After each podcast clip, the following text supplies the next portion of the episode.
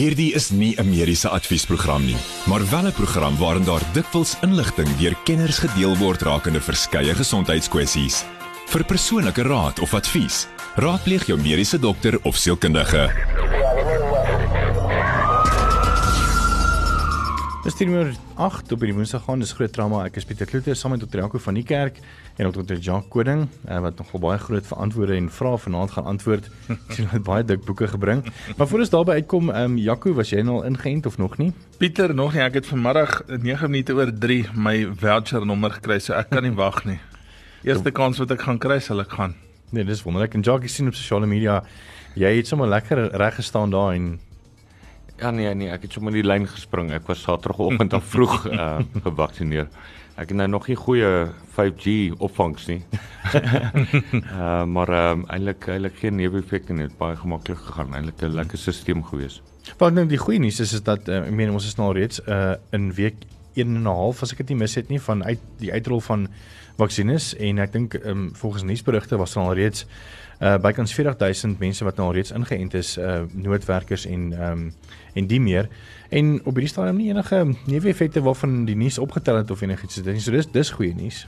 Dis baie goeie nuus. Ek ek ek was hartlik verbaas. Ek het ehm um, daar was my gevertel ek moet 8:00 die oggend daar aanmeld en ek was so half 8 daar en toe kry ek al nommer 175. So ek het ek het 'n goeie tou gevang um, net omdat ek vroeg was.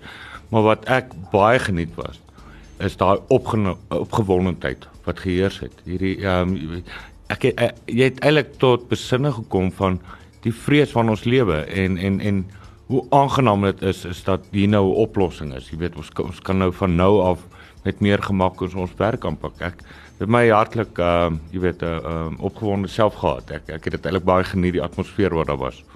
Ek neem aan jy seker nou net daarna op Saterdagoggend uh, ietsie gaan koud drink of so om te gaan celebrate. Nee nee, ons het gevier, ons het gevier.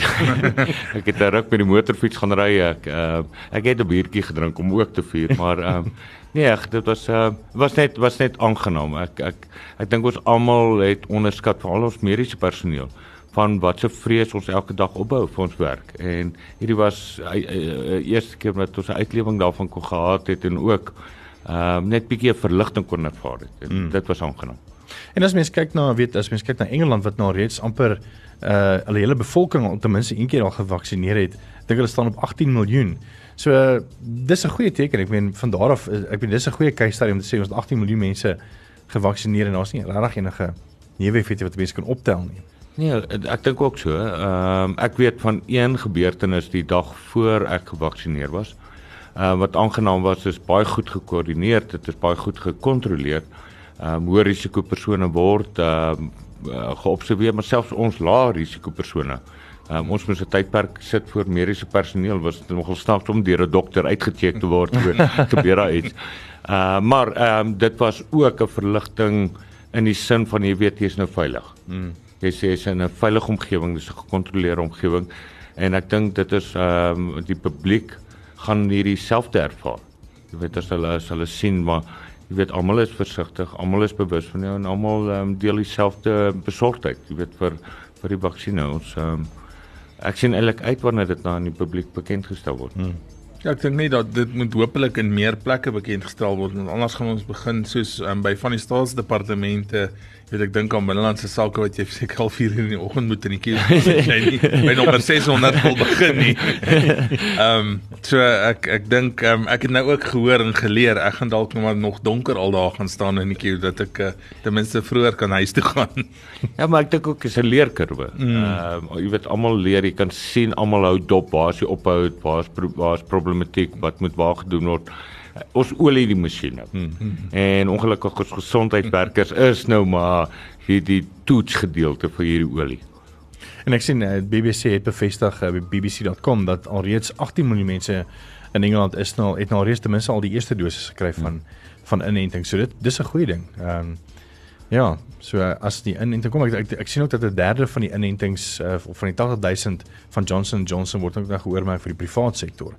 So ek weet nou nie hoe dit gaan uitgerol word nie en wie gaan besluit wie gaan kry of nie. Um, dit is nog om te om te om te sien en te besluit, maar dit is dit, ek dink dis baie goeie nuus.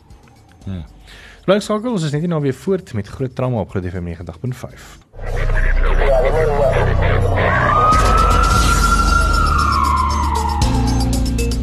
Frans onderwerp gaan ons 'n bietjie gesels oor immunoterapie en uh, dis nou al verwoord op almal se lippe. Lyk dit vir my nadat uh, twee dokters van Suid-Afrika daar in Sandton, Dr James Allison en Dr Tatsuku Honyo, ehm um, alreeds in 2018 die Nobelprys gekry het in fisiologie vir hulle werk. En hulle is nou besig met uh, navorsing en studies oor immunoterapie en hoe dit by die kanker kom en ek dink dokters soos hierdie studie nou reeds sê uh, probeer nou vir die afgelope 150 jaar ehm um, die liggaam stimuleer sodat die immuunstelsel ehm um, kanker half kan kan veg en teenveg. Ons gaan 'n bietjie daaroor gesels, maar ek dink net om konteks te skep vir die wat nou nog nie weet hoe werk 'n mens se immuunstelsel nie. Ehm um, miskien nog net in basiese layman's terms sodat ek kan verstaan Jaco en Jacques.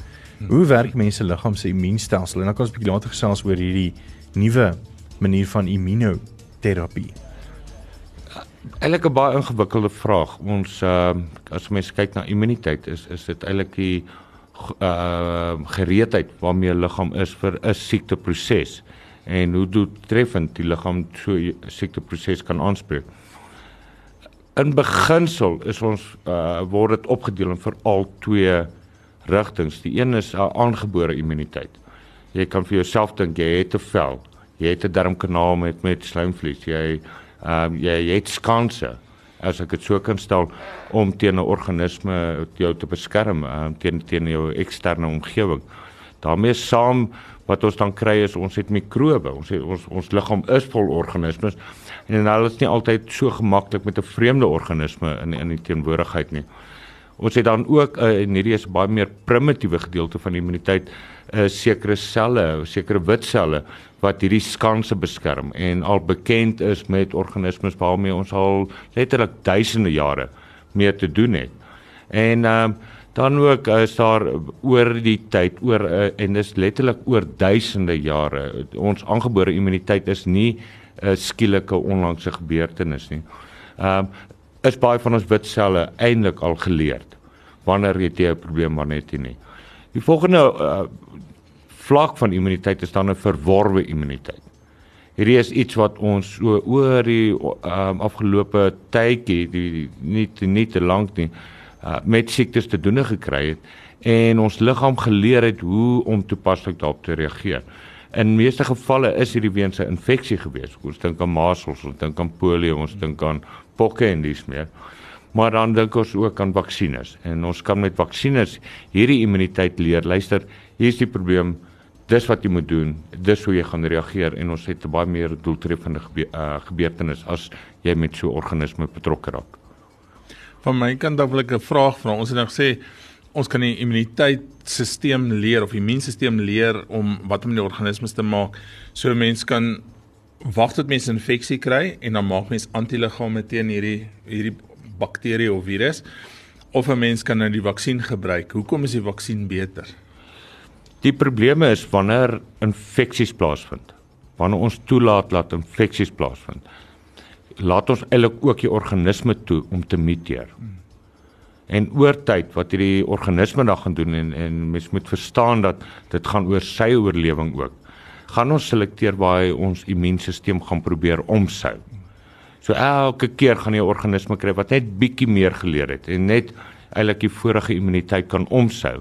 So al het jy antiliggame, kry jy weer 'n organisme wat net uh, en dis wat ons met COVID byvoorbeeld met die SARS-CoV-2 virus uh, gesien het. Hy ontwikkel net 'n manier om om uh, daai immuniteit wat jy met 'n vorige infeksie gehad het te kan omsou. Ons sien ook dat die organismes oor tyd meer aansteeklik raak. Ehm um, hulle raak baie keer meer dodelik ook oor tyd. Wat die voordeel is en en om so te sê ek ek sien baie mense argumenteer ja, maar laat die ding deurgaan. Jy weet ons almal het as baba baie mense gesê kom ons sit ons baba langs die die waterpokkies neefie. Jy weet dat die kind tog nou net waterpokkies kan kry of maar so baie goed. Ja, en klaar kry. Maar dis eintlik nie die roete nie. Want 'n bly lewensgevaarlik. Dit is 'n infeksiesiekte met al die implikasies van 'n infeksiesiekte. Wanneer ons by vaksines kom, kan ons 'n baie meer gedirigeerde en 'n meer toepaslike immuniteit uitlok. Hmm. En wat jy dan kry en ek dink mense moet hierdie verstaan wanneer jy gevaksinneer is, beteken dit nie jy gaan nooit ooit weer met die organisme te doen kry nie. Ja, die organisme gaan jou tref, jy gaan 'n mate van infeksie kry. Maar jou immuunstelsel is nou gereed. Hy weet wat om te doen, doeltreffend en is vinnig. So al word jy geïnfeksie, jy weet al al ontwikkel jy infeksie, het hierdie on, uh, organisme nie soveel tyd om 'n muterende gedrag uit te lok nie en en word baie vinniger verwyder. So met vaksines kan ons kudde-immuniteit kry. Uh wat ons eintlik met 'n uh, infeksie glad nie kan kry. Jy weet jy kry individuele immuniteit, maar jy sal amper nooit kudde-immuniteit daarmee bereik nie. En en ons het nou gepraat van kudde-immuniteit en ek dink baie mense daar buite het nou al die term baie gehoor. Ehm um, maar wat behels dit eintlik? Is dit maar net dan die meerderheid mense wat geïmmuniseer is wat die minderheid wat nie geïmmuniseer is nie beskerm en hoe werk dit? Ek dink ek dink as mens na infeksie siektes, veral aansteeklike infeksie siektes kyk, dink bietjie aan 'n kegelbal ehm uh, baan. Nou is daar iewers skielik 10 kegels. En jy hoef daai bal net te gooi, jy hoef een te tref en jy kan sewe jy jy kan 3 of 4 ander kegels laat ook omval. Wat gebeur by kudde immuniteit? Is jy vat baie van die kegels weg. Nou is daar dalk net 2. So as jy daai bal gooi, is die kans baie beter jy mis eintlik die hele spel en dis wat kudde immuniteit doen. Kudde kudde immuniteit is dan waar persone wat immuniteit het, die organisme eintlik verwyder sodat die wat nie immuniteit het nie blootstelling daaraan het nie. Nee, nog eens 'n bietjie hulle kyk oor wat is die rol van die immuunstelsel wanneer dit kom by kanker, so bly geskakel daarvoor.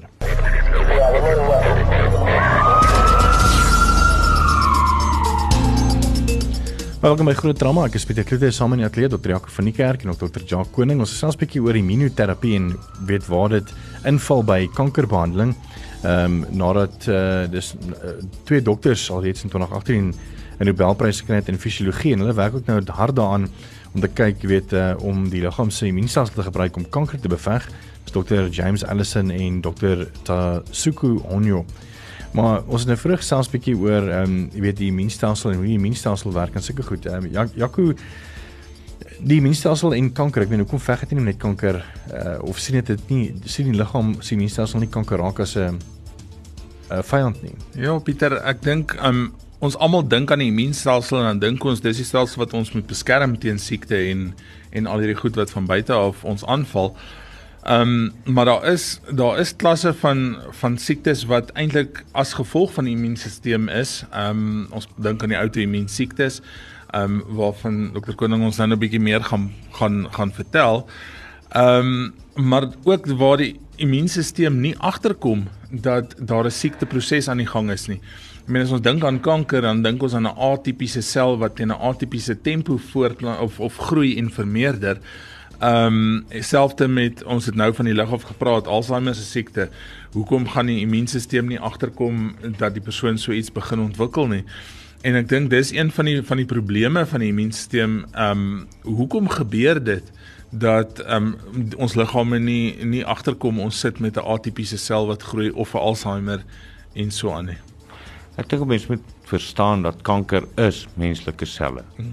Die polisieman wat die verdeling van 'n sel moet monitor, het bietjie probleme begin ontwikkel en 'n sel begin te verdeel on ongeïnhibeerd as ek dit sou kan stel en jy kry dan net vergroting of vermeerdering van hierdie kankerweefsel maar baie keer die die die die die sel het nog steeds die normale menslike reseptor. Jou witsel stap verby of jy weet jou immuunsel uh, stelsel stap verby.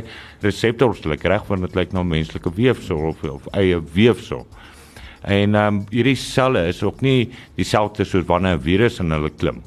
Wat hulle begin noodberigte uitstuur en hulle gooi vla op om vir die immuunstelsel te sê kom kyk hier's moeilikheid nie die kankersel gaan dit nie doen nie. En wat ons dan kry is dan baie maal dat die wit of jou immuunstelsel eintlik half blindelings is, dis 'n groter probleem totdat daar weefselbeskadiging is.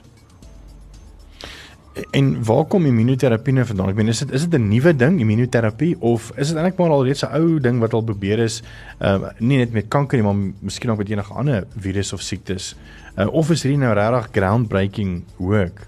en hoekom mense nog nie daarvan gehoor nie. Dit dit is 'n ou gedagte. Dis is is werklik al 'n ou gedagte en ehm um, wat wat ons al baie gedink het is hoe kan ons die immuunstelsel leer om ter 'n uh, 'n uh, uh, siek sel te herken. Uh, daar is al letterlik uh, seker vir dekades alreeds pogings aangewend. Inteendeel hierdie mRNA vaksines wat ons tans gebruik teen COVID is 30 of meer as 30 jaar terug eintlik ontwerp juis met die doelwit om te kyk of kan ons nie op 'n manier die immuunstelsel net bietjie meer uh voorberei maak wanneer 'n sel verkeerd optree dat ons hom um kan aanval nie. Dan het ons met baie organismes al te doen gehad, uh, veral organismes wat selle penetreer. Want uh, ons moet ook onthou baie organismes sit eintlik net buitekant die selle en word dan in, in die bloedstroom of aan die oppervlakte van 'n sel herken. En ons het al baie gesien hoe hierdie organismes te werke gaan met ons genetika. Uh, kom ons dink aan virus, ons dink aan sekere bakterieë. Uh hulle hulle gebruik juis ons genetika om verdeel en en en en. En ons al gewonder kan ons hulle nie gebruik nie. Eerder as wat hulle nou 'n vyand is, kan ons hulle nie vriendeliker maak nie, jy weet, en eintlik dan so uh siek sel veroorsaak sonder dat die sel 'n probleem gaan wees vir die liggaam, maar dit gaan die immuunstelsel dan wakker maak. Hier kan probleme wees. En waar is ons met tegnologie wanneer dit kom by ons nou gepraat oor die RNA uh, wat nou weet selfs ons COVID-19 word nou gebaseer op op, op RNA ehm um, vaksines en enstowwe en die meer. Hoe sien jy die toekoms met byvoorbeeld DNA enstowwe wat letterlik jou DNA kan alter? Jo Pieter, ek ek is bly ek studeer nie vandag medies nie. ek dink 'n mediese student wat nou in die eerste jaar gaan intrap, gaan 'n uh, handboek kry 2, 3 maal dikker as wat ek uh, waarmee ek te doen gehad het. Ons leer elke dag. Medisyne ken nie alles nie. Intee, kom ons vat COVID as 'n voorbeeld. Hierdie COVID wys ons ons verstaan nog nie eens verkoue nie. Hmm. Of 'n algemene verkoue nie. Die die inligting wat ons nou oor die mensstelsel het. Ek spot altyd net sê die handboeke wat ek gebruik het. Die eerste sin het altyd vir jou gesê Ons weet nie regtig hoe werk die stelsel nie, maar hierdie is waarskynlik die beste verduideliking. Uh, en ek dink uh, ons gaan in die toekoms sal dit so 'n gespesialiseerde onderwerp raak in medisyne en so 'n belangrike onderwerp in medisyne raak. Want dit raak alles aan. Ons het nou nou Jaco, Dr. Jaco het uh outoimmuun siektes aangeraak. Ons kyk na infeksie siektes met vaksines. Ons kyk na kanker siektes. Ons kyk na Alzheimer, degeneratiewe siektes. En imagine ons kan die liggaam oplei om hierdie te erken. Dat hierdie hierdie gaan 'n verandering aan gesondheid bring, totaal en al. En as ek 'n voorbeeld kan gebruik net net in layman's terms, beteken dit dat as ek dan sê maar 'n babatjie kry en ek weet daar's hartsiekte in in my familiegeskiedenis dat ek dan vir die babatjie 'n uh, vaksinne kan gee, 'n DNA vaksinne om te voorkom dat hy nie enige hartprobleme kan kry nie of amper soortgelyk so iets. Ek dink daai is nog 'n bietjie wetenskapsfiksie. Ehm um, dit wat uh dis nog nie waar ons 'n terapeut wat ons die genetika of die predisponerende faktore na ehm, 'n um, genetiese defek of 'n anatomiese defek nie sou kan aanspreek nie. Wat ons wel sou kan aanspreek is die herkenning van vreemd. Dit wat nie gister in die liggaam was nie. -hmm dat ons sal dit kan aanspreek dat ons uh, in die volgende dag as dit ewe skielik teenwoordig is, die immuunstelsel baie vinniger herken maar hierdie is die probleem dis wat ons moet doen. Ek dink 'n goeie voorbeeld vir mense daar buite is byvoorbeeld die servikale kankervaksin ja. wat ehm um, mense kan gee dan nou vir jong meisies voordat hulle seksueel aktief is en dan aan die einde van die dag het hulle nie 'n kans om om servikale kanker te kry nie. Selfs het ons nou nog gepraat van die liggaam met met borskanker en prostaatkanker, daai klas van ding. So dis vir die atipiese sel wat 'n mens dan 'n uh, 'n um, uh, vaksin gaan kan kry. En en dis al so ver gevorder dat daar wel 'n baie effektiewe so servikale kankervaksin uit is en ek dink um ons gaan net al hoe meer en meer van hierdie tipe goed sien. Net hierna gaan ons bietjie inspring en bietjie meer gesels oor immunoterapie en kanker. Welkom terug. Ons gesels 'n bietjie oor die immuunstelsel van die liggaam en uh, natuurlik na 'n uh, artikel gewees oor uh, nuwe immunoterapie wanneer dit kom by kankerbehandeling en Dr James Allison en Tasuku Honyo van Santen ehm um, is die voorlopers met hierdie studie wanneer dit kom by die liggaam se immuunse respons tot kanker en die meer. So net so vlugtig, jy weet, ehm um, mens hoef nou nie in diepte in te gaan hierson, jy weet Jaco en en ehm um, Jock. Wat is ehm um, hoe hoe kan 'n mens se liggaam weet jou programmeer om dan kanker te beveg? Ek meen as mense net gehoor het Jock gesê kanker is, dan ek maar net mm. jou eie liggaam se selletjies wat net vermeerder, mm. so die immuunstelsel tel dit nie op as 'n 'n probleem nie. Ja, Pieter, ek dink as 'n mens die definisie van kankerimmunoterapie gaan kyk, dan sal mens lees dit is 'n kunsmatige stimulasie van die immuunstelsel om dan kanker ehm um, te behandel. So jy verander eintlik aan die antiliggame um, op 'n kunsmatige manier. So kankerselle um, het wat hulle noem van tumor antigene. Nou dis eintlik 'n molekuul op die oppervlakte van hierdie kankersel wat dan um, die antiligaampie teen hom laat bind en daai gewone liggaams antiliggaam sal 'n gewone sel bind, maar hierdie gemodifiseerde antiliggame sal dan nou net aan die kankersel bind omdat hy daai abnormale sel soek. En as die antiliggaam dan op daai anti-tumor antigeen bind, dan kan jy dan nou jou reaksie kry om die kankersel dan dood te kry.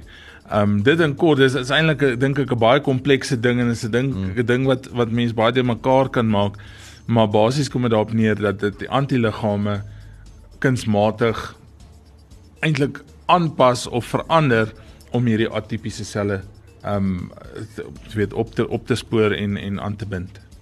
En ek weet dit uh, hulle sê is besig, ek dink hulle soek nog na na mense om om fase 1 studies te begin op hierdie. So hierdie is nog die baie vroeë stadiums van dit.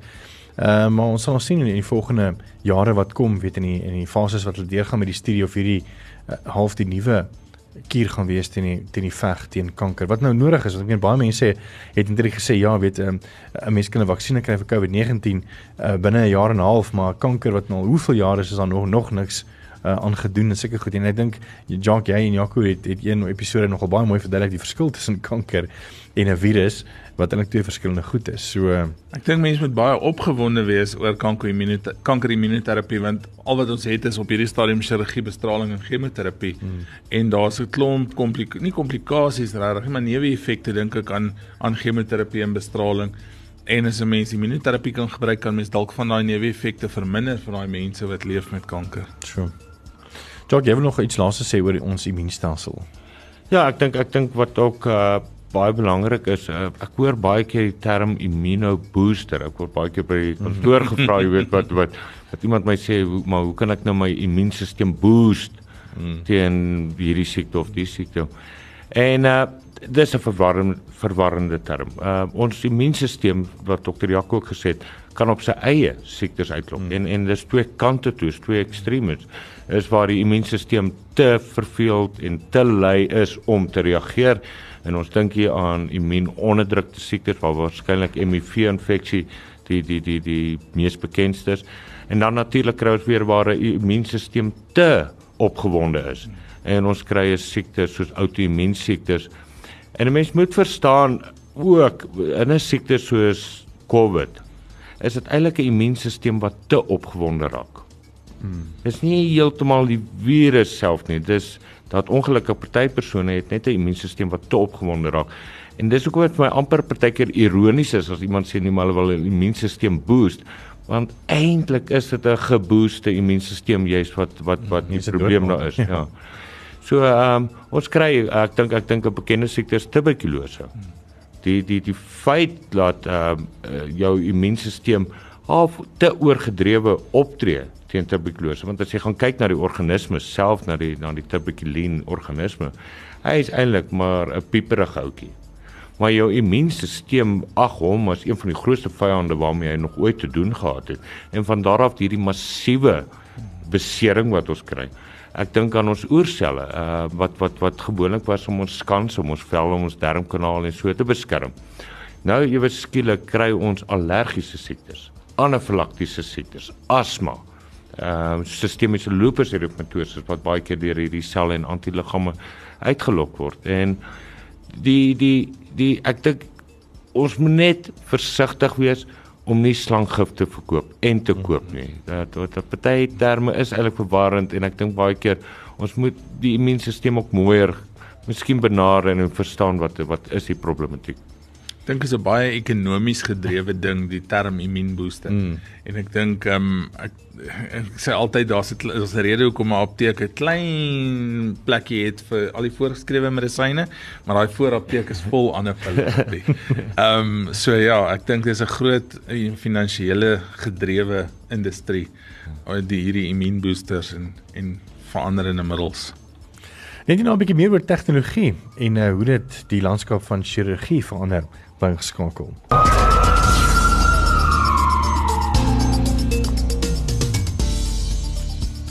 Dit baie dramaties geweest. Jaco, ehm um, bietjie oor tegnologie. Ek uh, weet um, in vandag se programme was al bietjie gesels oor nuwe tegnologie van waar ek dit klink amper soos 'n soos 'n rekenaarspeletjie of of nie die Xboxes wat jy nou artificial intelligence bril op sit en dan is jy eintlik letterlik jouself in 'n ander wêreld. Ja, Pieter, is eintlik baie ek mens kan amper opgewonde wees daaroor. Ek dink medisyne gaan dalk lekker raak vir 'n paar chirurge daar buite. Ehm um, en ek dink ons kan trots wees op Suid-Afrika dat ons deel is van so 'n groot projek. Ehm um, op die 9de Februarie het daar 'n professor in die Groot Skuur Hospitaal um, met 'n Microsoft uh, holographic lens ehm um, 'n skouervervanging gedoen.